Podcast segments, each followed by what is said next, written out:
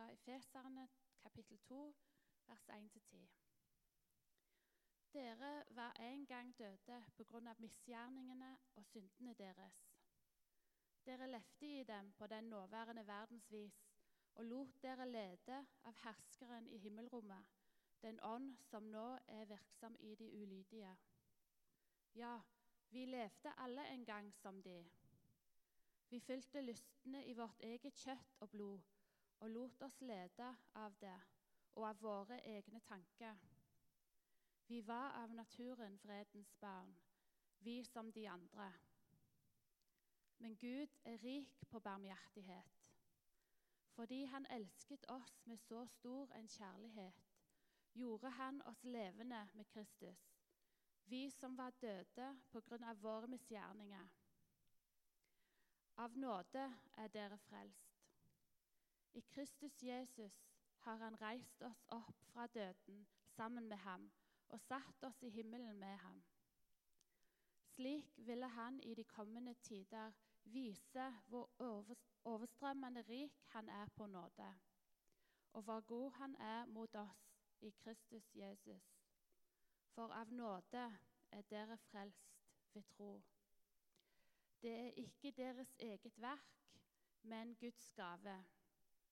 Det hviler ikke på gjerninger, for at ingen skal skryte av seg selv.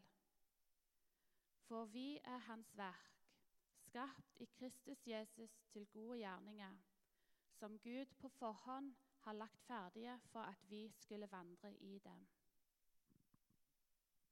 Nåde alene. Nåden alene.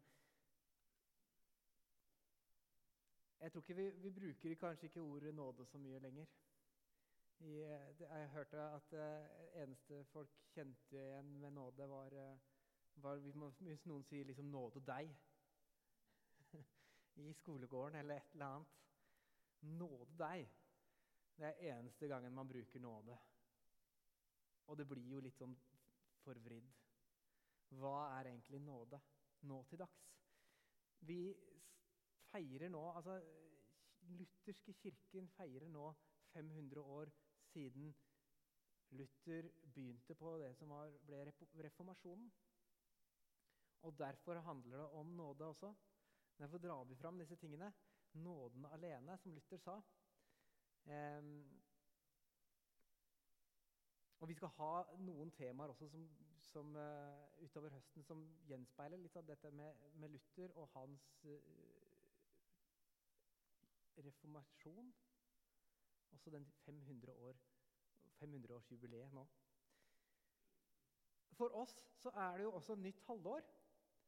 Nytt halvår og ny på en måte Nå har vi mange har nok eh, ikke gått så traust, flittig på gudstjeneste i sommer. Liksom en ny giv for hvorfor skal vi være her i kirka? Hvorfor skal vi være sammen med hverandre? Hvorfor skal vi komme igjen og igjen? Og da er vi også tilbake til hva det egentlig handler om. Nåden alene skal vi snakke om nå. Og dette var Luthers oppdagelse egentlig for 500 år siden. Handla om det. Det samme som det står, vi hørte lest. For av nåde er dere frelst ved tro. Det er ikke deres eget verk, men Guds gave. Det hviler ikke på gjerninger for at ingen skal skryte av seg selv. Det var Efeserbrevet kapittel 2, vers 8-9. Og jeg skal si det mange ganger i løpet av dagen. Jeg skal få med dere med på å si det også. Jeg syns at det er noen vers som er greit å ha ganske langt framme i hodet som kristen. Av nåde er dere frelst ved tro. Det er ikke deres eget verk, men Guds gave. Det hviler ikke på gjerninger for at ingen skal skryte av seg selv. Vi skal se en film, en liten snutt, om bot og nåde.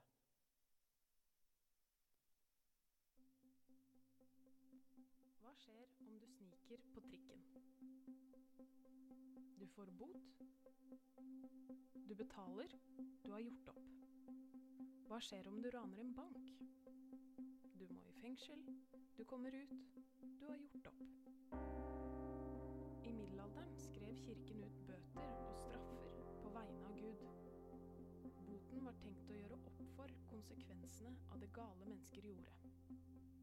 Mennesker stjal, de sloss og var utro.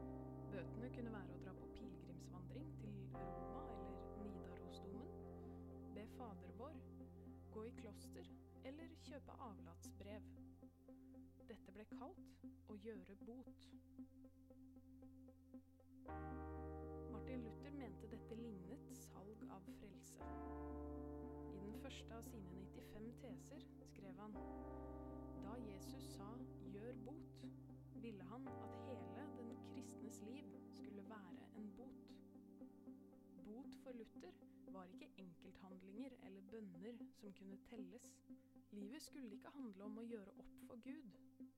I stedet skulle hele livet handle om å hjelpe andre mennesker. Hva skjer om du sniker på trikken? Du får bot, du betaler, du har gjort opp. Men Luther sa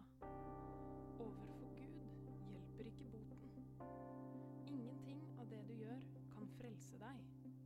Frelsen er en gave fra Gud. Det er dette som er nåde.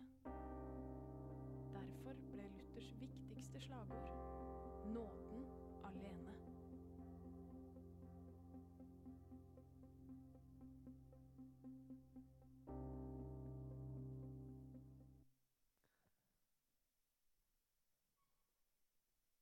Livet skulle ikke handle om å gjøre opp for, overfor Gud. Å gjøre opp overfor Gud. Så man føler hele tiden at man skylder Gud noe. Så handler, blir det eh, sånn at livet handler om å gjøre opp skylden. Og som vi så her, overfor Gud hjelper ikke boten. Ingenting av det du gjør, kan frelse deg. Frelsen er en gave fra Gud. Det er dette som er nåde. Og Derfor ble det nåden alene som ble et stort slagord for Luther. Karl Ove Knausgård han skriver Jeg har egentlig ikke lest det, jeg har hørt det. Han skriver at for ham er nåden det motsatte av For ham er nåden det motsatte av det sosiale. For når vi mennesker er sammen, så deler vi inn og rangerer hverandre. Prestasjoner, utseende, kjønn og hudfarge og klasse og personlighet Alt, dette setter mennesket over og under hverandre. Og vi, vi, kan knapt være sammen med andre mennesker før vi liksom underbevisst begynner å gjøre dette her. Men nåden, den opphever forskjeller. Helt brutalt, egentlig. Altså, det er fint, men det er også ganske brutalt. For hvordan oppleves det å være likt rangert som en terrorist? Eller som andre som du ser ned til eller opp til? Nåden rangerer oss altså likt. Så urettferdig er nåden. Og i Romer, Romerbrevet kapittel 3 så sier Paulus at Guds rettferdighet gis ved troen på Jesus Kristus til alle som tror. Guds rettferdighet gis ved troen på Jesus til alle som tror. For av nåde er dere frelst ved tro. Det er ikke deres eget verk, men Guds gave. Det hviler ikke på gjerninger for at ingen skal skryte av seg selv. I kirka her så har vi ganske, det er ganske mange som døpes her i kirka, og vi har dåpssamtaler med alle sammen. Og jeg vet ikke, Det var noen som nevnte 80 dåpssamtaler og, og dåp eh, i løpet av et år. Eh, og vi har snakket litt om det. Hva er det vi vil formidle? Hva er, hva er det vi vil formidle til de som kommer hit um, og skal døpe barna sine? og barna kommer liksom inn i fellesskapet for første gang. Altså, de, de kommer inn i fellesskapet, og hva er det vi som kirke skal formidle da? Hva er det viktigste vi formidler? Og Vi har kommet fram til at det viktigste vi formidler, er at dåpen er Guds gave. At nåden gis som Guds gave. Og at det er jo så tydelig når man døper små barn, at de har jo ikke gjort noe for å fortjene dette her. Virkelig ikke. De kan ikke gjøre noe for å fortjene dette. Og da blir det et bilde på Guds nåde. For senere i livet så blir det nesten sånn at det meste vi gjør, har vi på, til en viss grad fortjent. Altså Noen elementer i det kan vi alltid rote fram til, har, til å overbevise oss om at dette har jeg fortjent. Dette var litt av min fortjeneste. Men sånn er det ikke med dåpen. De, kommer, de små barna kommer helt uten å ha gjort noe i livet. Og sånn er det med nåden. Vi kommer som vi er. Og vi blir mottatt akkurat som vi er. Og Gud tåler oss. Gud tåler oss som vi er. Det er kanskje Det er kanskje det som er spesielt med nåden. Gud tåler oss som vi er. For av nåde er dere frelst ved tro. Det er ikke deres eget verk, men Guds gave. Det hviler ikke på gjerninger for at ingen skal skryte av seg selv. Og det at alle er like for Gud, det kommer kanskje tydeligst fram i ritualer i kirka, tenker jeg.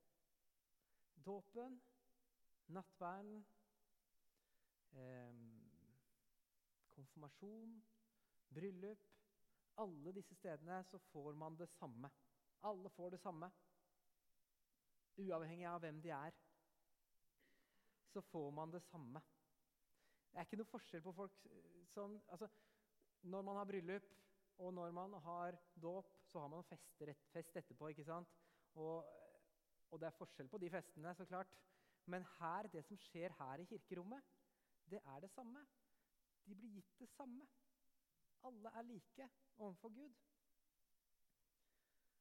Aller tydeligst blir det kanskje i begravelse.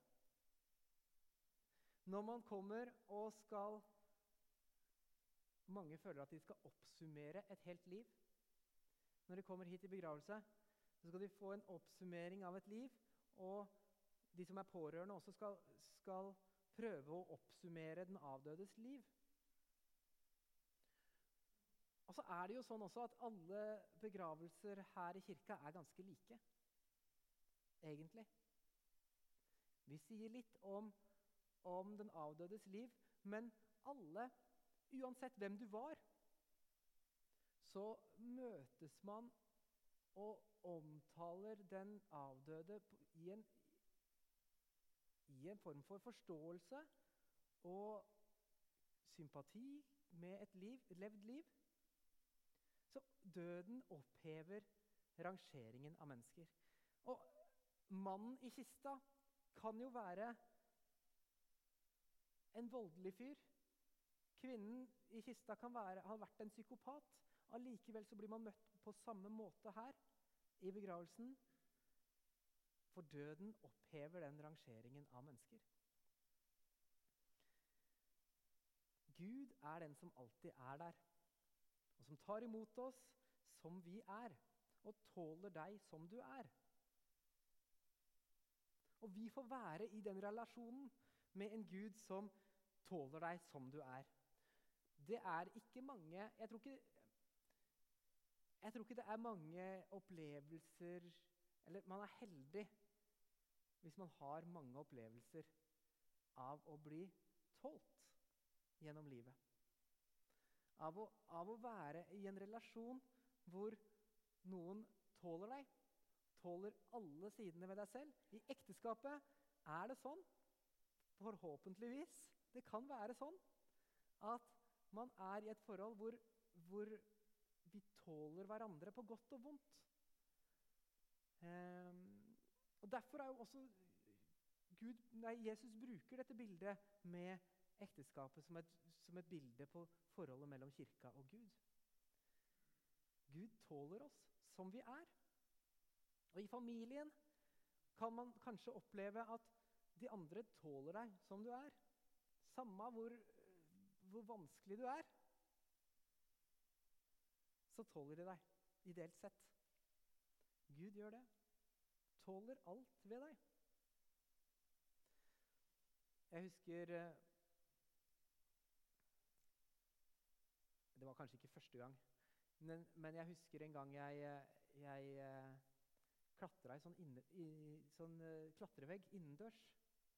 Altså, jeg har ikke drevet og klatra masse, men, men, det er noe med dette med klatring som, som uh, jeg tenker ikke er så skummelt før jeg kommer dit og ser den veggen. Eh, og, så, og, så, får man på seg sele. Jeg, jeg fikk på meg sånn sele. Jeg fikk til og med på meg sånne klatresko. Sånne trange greier. Eh, så, og så ble man jo hekta fast. Du skal ha riktig knute. hvis dere har vært med på det. Så du har skikkelig Den knuten skal være helt riktig, for å si det sånn. Den eh, Ja, så må man få litt hjelp med det første gangen, for å si det sånn. Men den, eh, den ble nå fiksa ordentlig skikkelig. Du er stroppa inn, og så skal du gå opp og klatre oppover. Rett oppover. Og det gikk jo ganske greit, egentlig. Første, første meterne går, går, ganske greit. Eh, når jeg kom lenger oppover første gangen, så var det litt skummelt. Og så det å ikke se ned, helst ikke se ned. For, for da, da, I mitt hode er det sånn at, du, at hvis du er høyt nok oppe da, så, så vil du ned igjen. Eh, men jeg kom meg opp, og jeg prøvde flere ganger.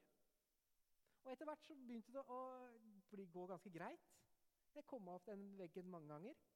Og så begynte jeg å tenke at kanskje, kanskje jeg kunne klart dette Eller altså jeg satt, satt, der midt i veggen og tenkte jeg har jo ikke egentlig brukt tauet i det hele tatt. Jeg har klart dette helt selv. Jeg har kommet meg opp helt, helt selv. Kanskje jeg kunne klare dette her uten tau også? Og så vet jeg jo nå at det er noe helt annet uten tau. Selv om det er helt det samme. Altså, Jeg brukte ikke tauet når jeg klatra opp, men, men, hadde jeg visst at det ikke var et tau, så hadde jeg ikke kommet mange meterne opp. altså. Da hadde det vært to meter, kanskje. Tre, ved siden av myk matte. Da hadde jeg eh, vært redd hvis jeg ikke hadde hatt tau. Så jeg kunne ikke gjøre det uten tau. Og det tauet det ga meg egentlig en større frihet og en større trygghet til å gjøre det samme som jeg kanskje altså, Som jeg kanskje ville gjort hvis jeg ikke hadde tenkt på det. Et eller annet sånt. Ikke hadde jeg hadde fått det ut av huet at jeg ikke hadde tau. Men det tauet ga meg en trygghet, sånn at jeg faktisk kunne klatre opp. Og jeg tenker at hvis, Tenk om relasjonen til Gud skulle være som å klatre uten tau. At alt du gjør, gjør du da av egne krefter helt selv. Du vet at dette gjør du helt selv, så du klatrer uten tau. Um, og tenk hvis relasjonen til Gud skulle handle om å komme opp der. Og helst klatre så høyt som mulig, så nærme Gud som mulig. Eller at eh, relasjonen til Gud skulle være avhengig av hvor fort du klatrer. Hvor fort du klatrer, og hvor høyt du klatrer. Fordi Gud er der oppe. Sånn er det ikke. Men vi er knyttet til Gud i dette tauet. Og tror vi, det, tror vi det, så vet vi at Gud er den som alltid er der. Tar imot oss som vi er, og tåler deg som du er. holder oss fast. Det handler ikke om hvor høyt i klatreveggen du kommer, eller hvor fort. Og livet er ikke en sånn konkurranse. Det handler ikke om prestasjonene. For av nåde er dere frelst ved tro. Det er ikke deres eget verk, men Guds gave. Det hviler ikke på gjerninger for at ingen skal skryte av seg selv.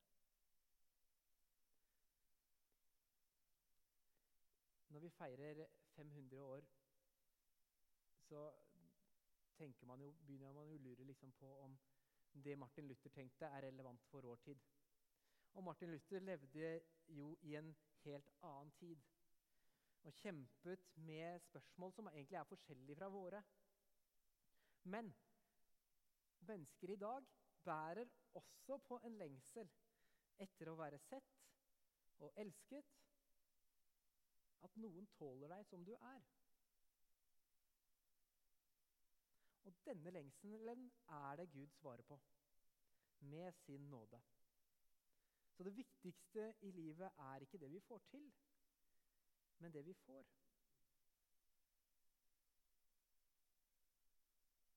Nå er det jo egentlig sånn at Hvis du går gjennom livet og kjemper og jager etter å prestere overfor Gud, så er det egentlig sånn at du undergraver Guds gave til deg ved å prøve å gjøre, prøve å gjøre deg fortjent til den. For det er ikke det som er meningen.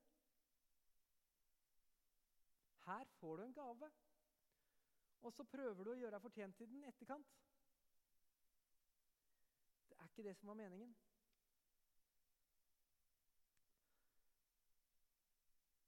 Jeg så en um, Et lite klipp av Thomas uh, Sjødin. Jeg vet ikke om dere har hørt ham, Han er en svensk forfatter som, som skriver Han har vært interessert i det siste i i sabbaten, den jødiske sabbaten. Litt rart, kanskje. Men det han var interessert i, er at han skjønner ikke helt hvordan de kan leve med alle disse lover og regler som de har satt opp for seg selv for å ha hviledag én dag i uka. Sabbaten én dag i uka. Hviledagen det er om, om, uh, omringet av masse regler detalje, detaljerte regler. Så har han funnet fram til slutt at altså, Prøvde å forstå dette her, ikke sant? Eh, så har han kommet fram til at det handler, egentlig ikke, det handler jo selvfølgelig ikke om disse reglene. Det handler om å ta en pause fra hverdagen. Men det som er poenget, er at du skal ikke skape noe når du hviler. Du skal ikke skape noe og ikke endre noe. Da gjør du Guds jobb, er tankegangen. Hvis du skaper noe, endrer noe, så gjør du Guds jobb i skapelsen. Og, så, sånn at I jødenes sabbatsliturgi så ber man ikke om noe.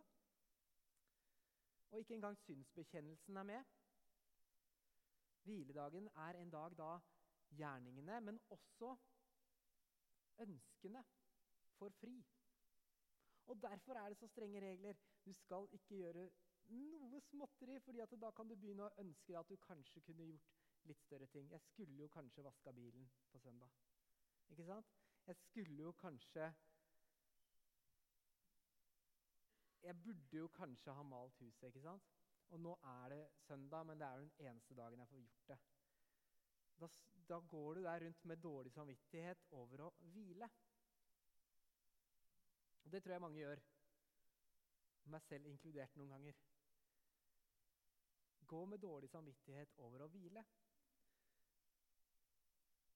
Poenget med sabbaten var at du skal vite at det er bra nok som det er nå. Et døgn. Et døgn så er ting bra nok som det er. Hagen er Gresset er langt, og, og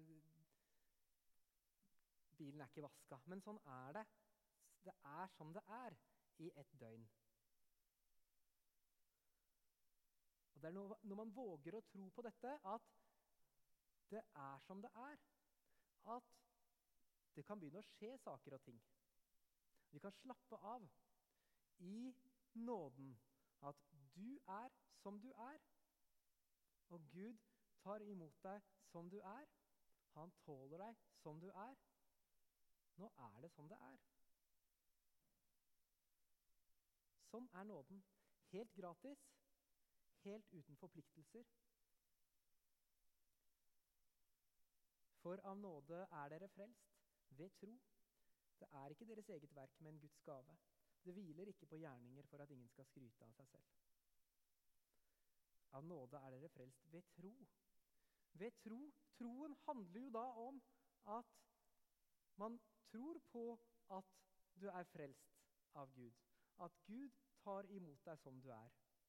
At Gud tåler deg som du er. Tror du på det, så er du frelst.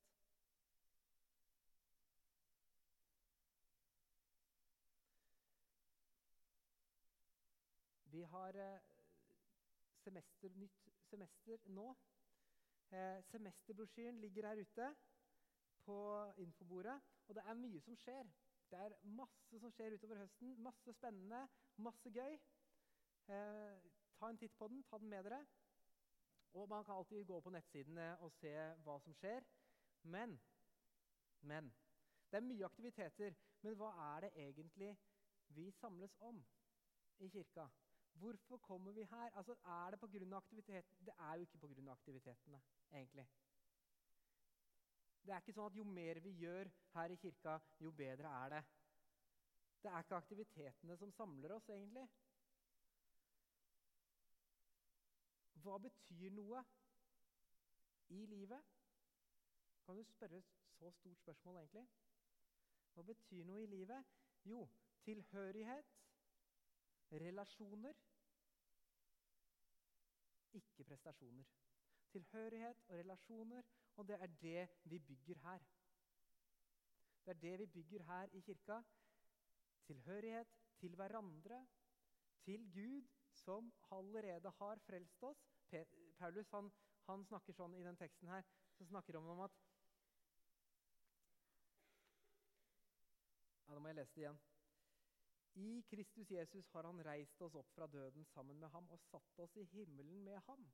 Det har allerede skjedd, dette her, for Paulus. Vi er allerede frelst og satt oppe i himmelen. Ingenting kan forandre på det. Vi er allerede oppe i himmelen.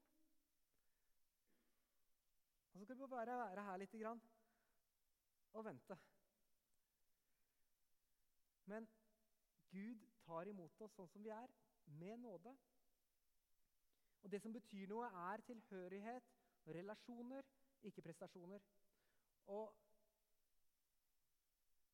med det så kan vi kose oss over et nytt halvår, glede oss over et nytt halvår i kirka.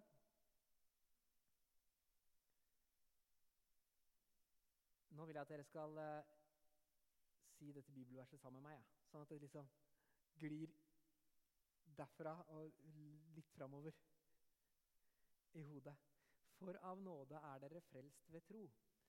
For av nåde er dere frelst ved tro. Det er ikke deres eget verk, men Guds gave. Det er ikke deres eget verk, men Guds gave. Det hviler ikke på gjerninger. Det hviler ikke på gjerninger. For at ingen skal skryte av seg selv. Husk på det.